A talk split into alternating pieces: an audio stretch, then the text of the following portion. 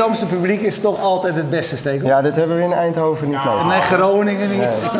Oh, sorry, Eindhoven, Groningen. oh, Eindhoven. Nee, was ook heel erg leuk. Super, super. Hey, iedere dinsdagavond eh, topnames vanuit eh, de Wagen in Amsterdam. De Nieuwmarkt. Als we het nog een keertje doen, kom je hier kijken. Want het is een prachtig pand. Ja, jullie kunnen nu niet zien als je thuis kijkt hoe mooi het hier, eh, hoe mooi het hier boven ook is. Maar bijzonder om hier te zijn. Ruud Hendricks, eh, je bent eerder bij ons te gast geweest. En dat was in eh, 2012 eh, de eerste keer dat we elkaar gesproken hebben. Toen, was je, toen wisten wij nog niet zoveel van Startup Bootcamp. Eh, je bent inmiddels in, al, in allerlei eh, eh, nieuwe fases beland met die Startup Bootcamp. Jullie helpen beginnende technologiebedrijven in een aantal maanden van een idee naar een werkend product te komen. Eh, in die paar jaar, hè, jullie waren een van de eerste die, die bij ons langskwam. Er zijn meerdere partijen langs geweest. Soms heb ik wel eens een beetje het gevoel dat er in mijn beleving dat er overkill aan accelerators, en overkill aan hackathons, en Ja, overkill waar. aan, weet je wel, die, die, die verheerlijking van die start-ups. Moet Ook helemaal een keertje over Ik ben zijn. volledig met je. Ja, heb je ik daar heb, ik heb er laatst een column over geschreven. Dat ik ben heel blij om met, met Nelly en wat ze doet allemaal voor start-ups. Maar het, het begint een hype te worden. En tegenwoordig is ook alles een start-up. Hè. Uber is natuurlijk al lang geen start-up meer. Facebook kan je niet meer... eh, Google zag ik laatst ergens als start-up. is gewoon- van de zotte om dat, dat bedrijf zo te omschrijven. En weet je, eh, zeker in Nederland, waar wij natuurlijk ontzettend bang zijn om risico's eh, te nemen, gaat het natuurlijk een keertje heel erg mis. Eerlijk gezegd hoop ik daar ook een beetje op. En dan roepen we met z'n allen van ja, zie je, het is allemaal maar hype geweest, er is niks geworden. Ja. En dan uiteindelijk komt er een shake-out en dan uiteindelijk blijven de serieuze partijen over en dat is prima. Hey, die hype, heb je daar last van of helpt het je ook om, Nou, om het op de agenda te zetten? Het helpt ons wel. Het staat inmiddels wel overal op de agenda. Maar kijk, in Nederland zijn we toch nog wel heel erg voorzichtig. Als wij in Nederland een, een business-to-consumer start beginnen... die seri- serieus wil investeren in marketing... die echt gewoon grote campagne online, in de krant, op radio, tv... en je zoekt daar investeerders voor, dan is dat heel moeilijk. Terwijl als je een start-up... Ik was in Silicon Valley in februari... En daar was ik bij een start-up die heet Honor, H-O-N-O-R. Ja. Eh, drie Amerikanen, één Nederlander. Die Ja, waren naar- ook bij ons eh, te gast en geweest. ik ja. weet niet of je het verhaal, of je het verhaal verteld heeft. Andreessen Horowitz gestapt. Dat is, eh, jongens, eh, wij zijn hier met z'n vieren. En eh, Mark Andreessen, jij mag eh 25 miljoen investeren op een waardering van 100 miljoen. En Mark Andreessen zei van, en waar ga ik in investeren? Toen zei, zeiden de heren van Horst, dat is helemaal niet interessant. Want jij hebt de filosofie, die hebben wij trouwens bij Startup Bootcamp ook. Het gaat niet om het idee, het gaat puur om de mensen die het uitvoeren. Ja, in dit geval was het, Dus- een, was het een start-up die een systeem ging verzinnen waardoor oudere mensen Correct. eh, thuis konden blijven wonen. Ja. Eh, waardoor de hele gezondheidszorg ontlast zou kunnen worden en je op een heel andere manier dat zou kunnen Ja, organiseren. en daar zijn ze nu heel ver. Een fantastische marketingcampagne overigens. Ja. Maar dus eh, eh, Mark Andreessen investeerde die 25 miljoen op een waardering van 100 miljoen in de facto vier mannen. En het eerste wat daar gebeurde was dat er een eh, senior developer van, van Google werd aangenomen. En die verdient 2 miljoen dollar per jaar. En als ik dan kijk naar die. Eh, naar die, die enorme eh, com- commissie, eh, die vergadering in de Tweede Kamer over, over het salaris van de top van ABN AMRO. En dan zie ik die baron van Slingeland, eh, vind ik wel een beetje een zielige man. Ja, die toch. moet daar dan gaan verdedigen dat, dat, dat de top niet, ja, toch eigenlijk Nee, wel maar- 6 nee. ton moet verdienen in plaats van 5 ton. Nee, dat is zo triest. Maar toch, jij geeft het nu wat- als wat- voorbeeld, je Nee, nou, laat me even voorbeeld. uitpraten. Even Laat even uitpraten. uitpraten. Ja, dat is Maar vervolgens- hoor. Vervolgens komt er dan, komt er dan een, een, een, eh, mevrouw van een grote headhunter naar me toe die zegt: Weet je, wij zoeken een absolute top chief data officer voor een grote Nederlandse bank. En er wordt natuurlijk niet verteld welke, maar we hebben er maar drie. Eh, een absolute top van de top willen wij hebben. Ik zeg, oh, dus die mag ook van buiten Nederland komen. Nee, we willen echt de top. Zeg, nou, Ralf Hamers die verdient bij ING 1,6 miljoen. En misschien zijn er hier of daar wat mensen die voor ING in Londen werken... die nog ietsje meer verdienen. Maar weet je, als je echt de top van de top wil hebben... je wil die uit Silicon Valley halen... dan hebben we het over 6, 8 miljoen. Ja. Dus dat je die discussie over of Gerrit Zoom 6 of 7 ton waard... is, ik vind het allemaal zo Ja. triest. En waarom ik je wilde onderbreken, eh, wat niet lukte, eh, was. nou, nou ja, goede Nou, poging. eh, Maar luister. Nee, maar jij, jij, jij geeft nu dat voorbeeld van Andreessen en die 25 miljoen als voorbeeld van waarom wij in Nederland, of dat wij in Nederland voorzichtig zijn. Aan de andere kant zou je kunnen zeggen, dat hoor ik ook vaak, dit is juist een bevestiging van de hype, de luchtbel, een onhoudbare, opgeblazen luchtbel van waarderingen en salarissen. Dat, dat kan toch ook, Nou, ik- dat is toch ook niet sustainable? Ik, ik ben met je eens dat dat, die salarissen daar in Silicon Valley, trouwens niet alleen de salarissen, uh, hotelkamer op Sandhill Road, goedkoopste is geloof ik 850 dollar per nacht voor een hockey. Ja, maar we lopen het een beetje zo te van de verheerlijken. Nee, alsof nee, nee, nee, in Nederland ik- ik moeten aannemen die dat soort Nee, maar als je, verdienen. als je met de top wil concurreren, dan moet je ook wel een beetje lef hebben. En ik zeg niet dat je dan mensen voor dat soort salarissen moet aannemen. Maar je moet wel een beetje durven. En wij staan helemaal aan de andere kant van het spectrum. Daarom doen wij bij Startup Bootcamp in Nederland vooral B2B startups. Omdat B2C gewoon echt, echt moeilijk financierbaar niet, eh, eh, is. ja. Ja. Ja. Hey, waar sta jij met Startup Bootcamp? Want toen je hier was de vorige keer, was je in het begin. Nou, we zitten nu in. eh, eh, we zijn in 2011 met z'n vieren begonnen. We hebben nu zo'n 340 mensen, denk ik, voor ons werken. We zitten nu in 13 steden in 10 landen. En er komen dit jaar, denk ik, nog wel een land of twee, drie bij. En zeker dus ook drie en misschien wel vijf steden. Ja, wat, wat doen wij zo goed in Nederland? Eh, want we hebben natuurlijk Rockstart, die ook internationaal goed aan de weg timmert. Ja. Jij timmert internationaal aan de weg. Wat doen wij beter of anders? Nou, voor, Dan en, vooral de duidelijkheid, Startup Bootcamp eh, is door Patrick en mij en twee Denen eh, gestart. Hè? Dus we doen het met z'n vieren. Wat doen wij goed? Nou, ik, ik, ik vind niet dat wij dingen nou zo bijzonder goed doen in, in, in Nederland. Dit had net zo goed in Engeland of ergens anders kunnen gebeuren. Ik vind, vind eerlijk gezegd het feit dat wij uit Nederland komen ook volkomen oninteressant. Het gaat erom wat we, wat we bereiken. En wat wel leuk is, is dat we in Nederland dit jaar onze honderdste start-up gaan eh, helpen accelereren. Eh, die komen overigens voor 70% uit het buitenland. En als wij hele goede Nederlandse start-ups krijgen, en we hebben er al een aantal in een programma, want we doen het tien per keer, dan sturen we die ook weer naar het buitenland. Want wij zoeken echt mensen, dat heb ik toen ook tegen jullie gezegd, die, die deze tafel op willen eten om het beste bedrijf van de wereld te bouwen. En ja, als je bereid bent om vanaf de andere kant van de wereld naar Nederland te komen, of omgekeerd, om daar een bedrijf te bouwen, dat is natuurlijk gewoon een enorme kick. Ja, Ja. Maar, maar ik, ik, ik, ik, eh, snap wat je zegt. hè. Het doet er niet zoveel toe of, je, of het Nederland is of iets anders. Tegelijkertijd heb je eigenlijk net gezegd, het maakt wel uit. Hè, dat zo'n onder in Amerika, eh, als je daar vandaan komt met je idee bij de juiste mensen, dat je meteen eigenlijk op een ander niveau U- eh, weet begint je, wij hadden Uber bij Startup Bootcamp kunnen hebben, dan was het nooit geworden wat het nu is. Nee. En waarom ben je dan, blijf je dan toch hier, hier vanuit je ding open? Waarom, waarom doe je dit niet? Nou, Wij zijn, wij zijn wel. De, ik zei daarnet, we gaan nog een paar landen in. Ja. En eh, een vestiging in San Francisco. Nou, we zijn daar nu heel ver mee. Gaan we twee programma's beginnen. Eh, overigens te beginnen met een, een Women Entrepreneurs Accelerator. Omdat we echt denken dat vrouwen gigapotentie hebben, veel te weinig eh, met tech eh, bezig zijn. Dus dat ben je het wel met Nelly eens. Ik hoorde Volledig. gisteravond Ja, ik zag het bij, gisteren, ja. Eh, met Janneke Niesen, die ja. ik zeer bewonder. Ja. En in New York gaan we ook beginnen. Dus ja, we, we zijn, we zijn druk bezig daarmee.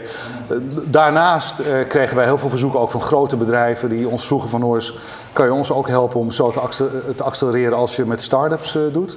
Dus we hebben een tweede bedrijf opgezet, dat is InnoLeaps. Dat gaat dit jaar, is twee jaar geleden in Nederland begonnen, gaat dit jaar, nou, ik denk naar in ieder geval naar Duitsland en naar China toe. Eh, en nu zijn we met een derde bedrijf eh, bezig, omdat de eerste twee eh, heel hard mensen nodig hebben om verder te groeien. We kunnen de mensen niet meer vinden. Dus die gaan we nu zelf opleiden en dat wordt onze, onze derde club. En je zei dat dat InnoLeaps, dus waar je bij corporates probeert zeg maar, met de start-up methode eh, innovatie tot stand te brengen, dat dat ongelooflijk hard gaat. Ja, dat gaat heel Hoe hard. komt dat? Wat, het, eh, weten ze niet wat ze moeten doen? Omdat er heel veel paniek is onder hele grote bedrijven die inderdaad, zoals Marianne in jullie vorige uitzending aangaf, gewoon echt, echt gewoon zich realiseren. Het is gewoon innovator die. En Ja. eh, je ziet toch wel dat in de top van heel veel van die corporates, daar zitten nog wat heren van mijn leeftijd, die, eh, die denken van nou ik hoop dat ik het nog een paar jaar red. En, eh, maar dat is natuurlijk niet zo. Die gaan het niet nog een paar jaar redden. Ik bedoel, Ja. eh, je, je kan ze uittekenen, de bedrijven die aan het randje van de afgrond staan. Ja, jij, dus jij profiteert van de angst, hè? dat is eigenlijk wat je zegt met dit bedrijf.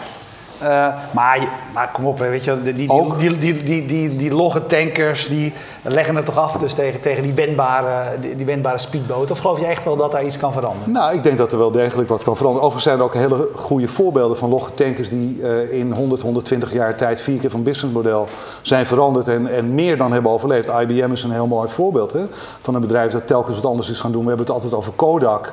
Wat eh, de digitale fotografie uitvond en er zelf aan ten onder ging. Maar Fuji heeft bijvoorbeeld fantastisch 75% van de omzet van Fuji komt uit digitale fotografie. Dus eh, er zijn meer dan genoeg voorbeelden van grote bedrijven die het wel goed doen. En ik zeg altijd tegen die grote eh, corporates van luisteren, je, je kan je niet veroorloven om welke start-up dan ook niet serieus te nemen.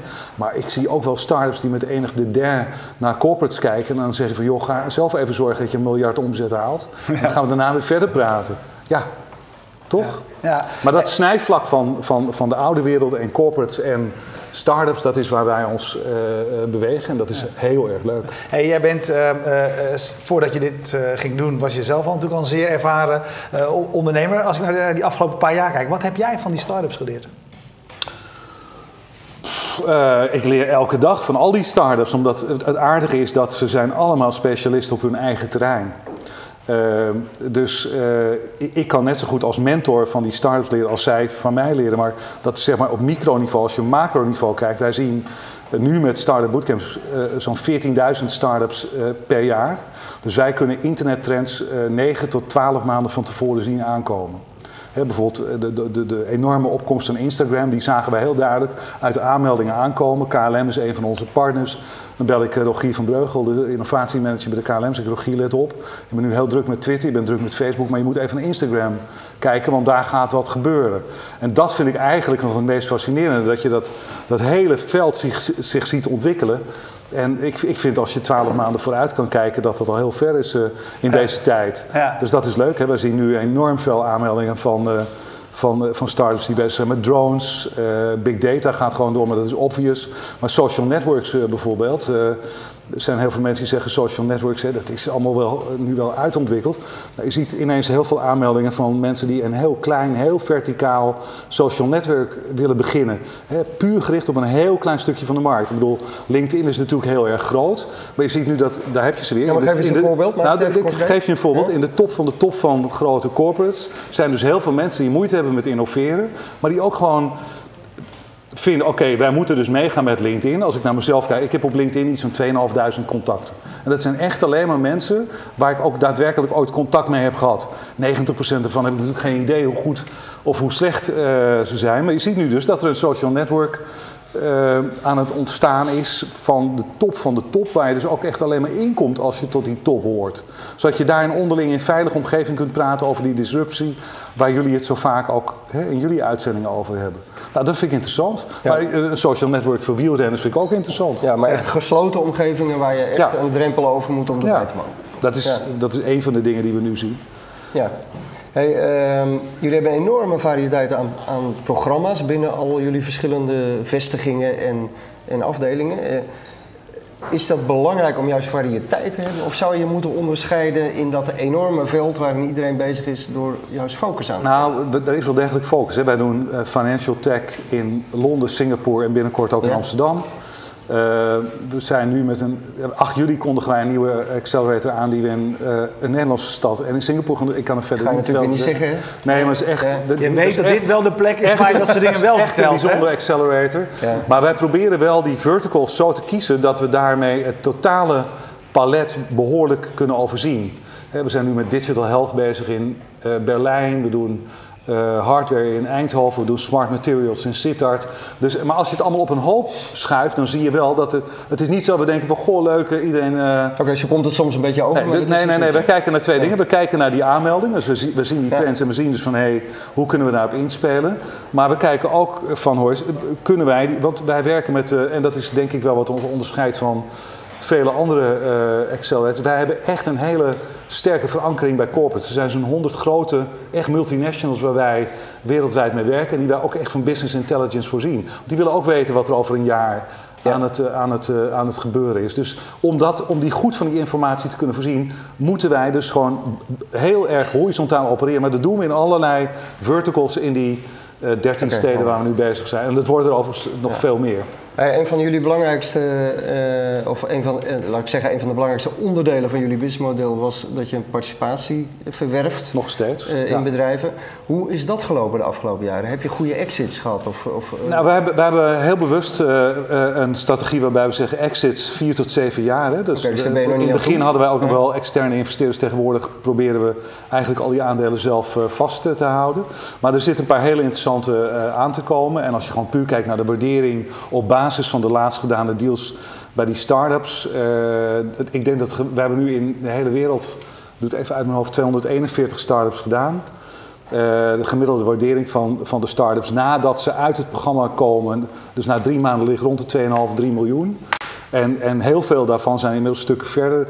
Er zitten er een paar nu tussen de 40 en 50 eh, miljoen, waaronder één Nederlands.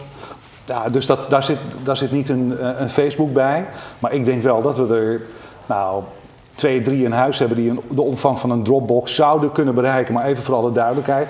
Dropbox was ook niet van de een op de andere dag Ja. zo groot als het, als het Ja. nu is. En dan zitten jullie allemaal met die 7% of zo is het? Of, 8 eh, procent. 8% Ja, ik denk overigens wel dat Ja. dat een businessmodel is wat, eh, wat in de toekomst eh, heel erg gaat veranderen. Ja, waarom? Nou, omdat je ziet dat die 8% nu al onder druk staat. In de Verenigde Staten is het 6%. Dus wij hebben daar wel wat, we hebben, we hebben wel wat ideeën over, over nieuwe businessmodellen die we zouden kunnen hanteren. Ja, nou, denk je vertel die dan ook even. Nee, nee, nee. nee. Nou, Even hoor. Ja, het businessmodel, daar ga je het verschil toch niet mee maken? Dat, hè? Nee, nee, nee, maar dat zeg ik toch ook niet. Dat Ja. we daar, nee, nee, wij maken het verschil omdat wij, wij zijn... Weet je, eh, Patrick en ik komen natuurlijk allebei ook wel uit de oude media. media. We hebben bij NMOL tv-programma's verkocht en dat waren de duurste die je kon krijgen. Maar het waren ook, ook de beste en de hoogst scorende. En wij zijn zeker niet de goedkoopste accelerator, eh, alles behalve dat. We zijn denk ik voor start-ups behoorlijk duur. Maar ik durf te beweren dat we qua kwaliteit ook gewoon de beste zijn. Ja. Hij En dat kost geld. Ja, maar ik mag nog even, even een heel eh, ander klein dingetje. Je weet, eh, jij houdt van muziek, ik hou van muziek. Maar ik vind het altijd heel fascinerend om te zien dat je... Dan kom ik ergens tegen dat je de hele nacht weer, weer house, techno eh, eh, gedraaid Ja, afgelopen zaterdag Als- als nog DJ, gedraaid. ja. Ja. Ja. Ja. Hey, wa- wat, wat is daar leuk aan? Wat, eh, wat, wat leuk is aan, aan, aan, eh, aan draaien is hetzelfde als dat je eh, voor een grote zaal spreekt. Binnen 30 seconden voel je of je het publiek pakt of niet. En als ik, als ik techno draai, dan neem ik iemand mee op een reis, die pak ik op. En, en ik, ik, weet je, ik gebruik geen drugs, ik drink geen alcohol. Ik bedoel, ik ben een beetje... ik, Een atypische, atypische ja, figuur ik, op de zaal. ik heb het allemaal wel Ja. gedaan hoor. Dus, dus ik weet wel wat iemand ondergaat die voor me staat te dansen. Ik zeg van kom maar hier, ik pak je op. En ik zet je over drie of vier uur weer neer en dan heb je een geweldige reis gemaakt.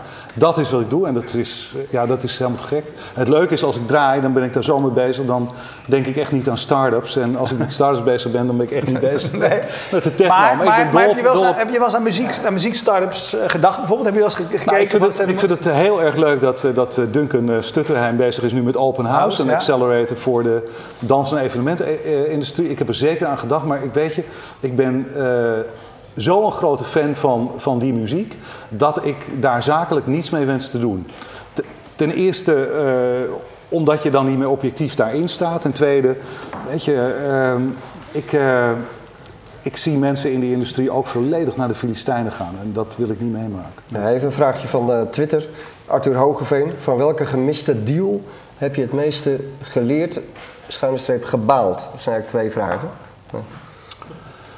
Eh, nou, van een mislukte deal waar ik het meest van geleerd heb, is on- zonder enige twijfel Sport 7. Dat, eh, dat heb ik ook al eens bij jullie eh, verteld. Dat heeft heel veel geld gekost, privé ook heel veel geld gekost. Hele goede les. Als we toen de Lean Startup methodologie die wij nu gebruiken, waarbij je continu valideert, als we die toen, als Joop van den Ende en John de Mol en ik dat toen hadden gedaan, had ons dat, had, en onze aandeelhouders 200 miljoen gekost. Dan hadden 450 mensen nog hun baan gehad. Dus dat is veruit de deal waar ik het meest... ja, waar, ik, waar ik het meest aan heb verloren, maar ook veruit het meest van heb geleerd. Maar ik moet je zeggen, weet je, wij zijn wel toch wel competitief. En eh, ik, ik vind dat wij hele goede concurrenten hebben. En eh, ze hebben zich nooit bij ons gemeld. Maar ik moet je zeggen, 3D Hubs en, en Peerby had ik best graag in plaats van Rockstart naar, Ja. naar, naar Startup Bootcamp willen zien gaan. Maar het is niet zo dat ik daar wakker van heb gelegen, maar, Ja, maar ik win graag. Er is natuurlijk wel degelijk concurrentie om. eh, Ja, gelukkig. Maar dat is maar goed ook. Stel je voor dat dat en daar heeft zo iedereen zo weer zijn eigen strategie voor. Hoe komen jullie in contact met die veelbelovende start-ups? Eh, Nou, wij, eh, wij hebben, we noemen het Fast Track Days, dus we hebben pitchdagen in de hele wereld. Ik denk dat we dit jaar een stuk 80 doen. En dat letterlijk van, van Melbourne tot Canada tot de Oekraïne. We zijn morgen in Manchester.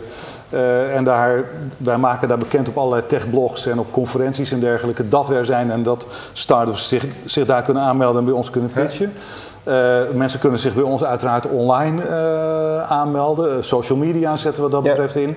En het is een beetje. ehm, eh, kijk, wij kiezen voor kwaliteit, maar om kwaliteit te bereiken heb je heel veel kwantiteit nodig. Hè, dus idealiter hebben wij van het programma 1000 aanmeldingen. Meestal zitten we zo tussen de 700 en 1000 aanmeldingen. We hebben 10 plaatsen. Ja, en dan, eh, dan pak je de beste van de beste. Hey, eh, ja, ontzettend bedankt. Er zijn heel veel dingen, ook op Twitter, maar die kun je zo, eh, laten terugkijken, die we nog zouden kunnen eh, behandelen. Dat doen we graag een andere keer weer eh, met je, want dit is ook een beetje een vervolgverhaal wat we aan het maken zijn. Steek, we zijn even vergeten te melden. dat Dit de 400 400 opname is. uitzending. Kijk uit naar de 500. Ja. Dat wij allemaal proberen we over een jaar te doen. Hey, eh, jullie die nu live keken, eh, bedankt voor het kijken. Jullie die hier aanwezig zijn, natuurlijk ook. Eh, ja, weet je, we hebben wat bier en andere di- dingen ingekocht. Als stop is in stop. En dan kun je ons eh, terugvinden in het loosje hier vlakbij. eh, op, Zoals eh, elke dinsdag. Zoals elke dinsdagavond op de Nieuwmarkt. We danken Streamzilla die ervoor zorgde dat de stream live bij je kwam. En ik wil nog één dingetje nog eventjes vertellen. En, Peter Olsson is hier aanwezig. Die heeft een prachtig boek geschreven wat wij mogen ehm, uitgeven. Zeg ik iets verkeerd? Wat is het probleem? Er wordt ergens gelachen. Ja, nou ja. Er achter ons. Dat is het nadeel van het publiek, hè? dat je niet weet waarover het gaat. hey, maar het boek 25 jaar internet in Nederland, dat is echt eentje waarvan ik denk, die moet je allemaal lezen. Ga je op vakantie, al die mooie verhalen van eh, de, de, de mensen, de grondleggers van eh, internet in Nederland eh, lezen. Want nou, het zijn bijzondere, er zijn zelfs stukken van mensen die met, met de schop bezig zijn geweest om eh, internet volgens mij van, eh, wat was het, Zwolle naar, naar Groningen te krijgen. Ehm, kijk op de site en je vindt het eh, daar terug. Ben je daar aanwezig, dan weet je, je mag het pand niet verlaten voordat je dat boek hebt aangeschaft. Dank voor het kijken, tot de volgende keer. Dag.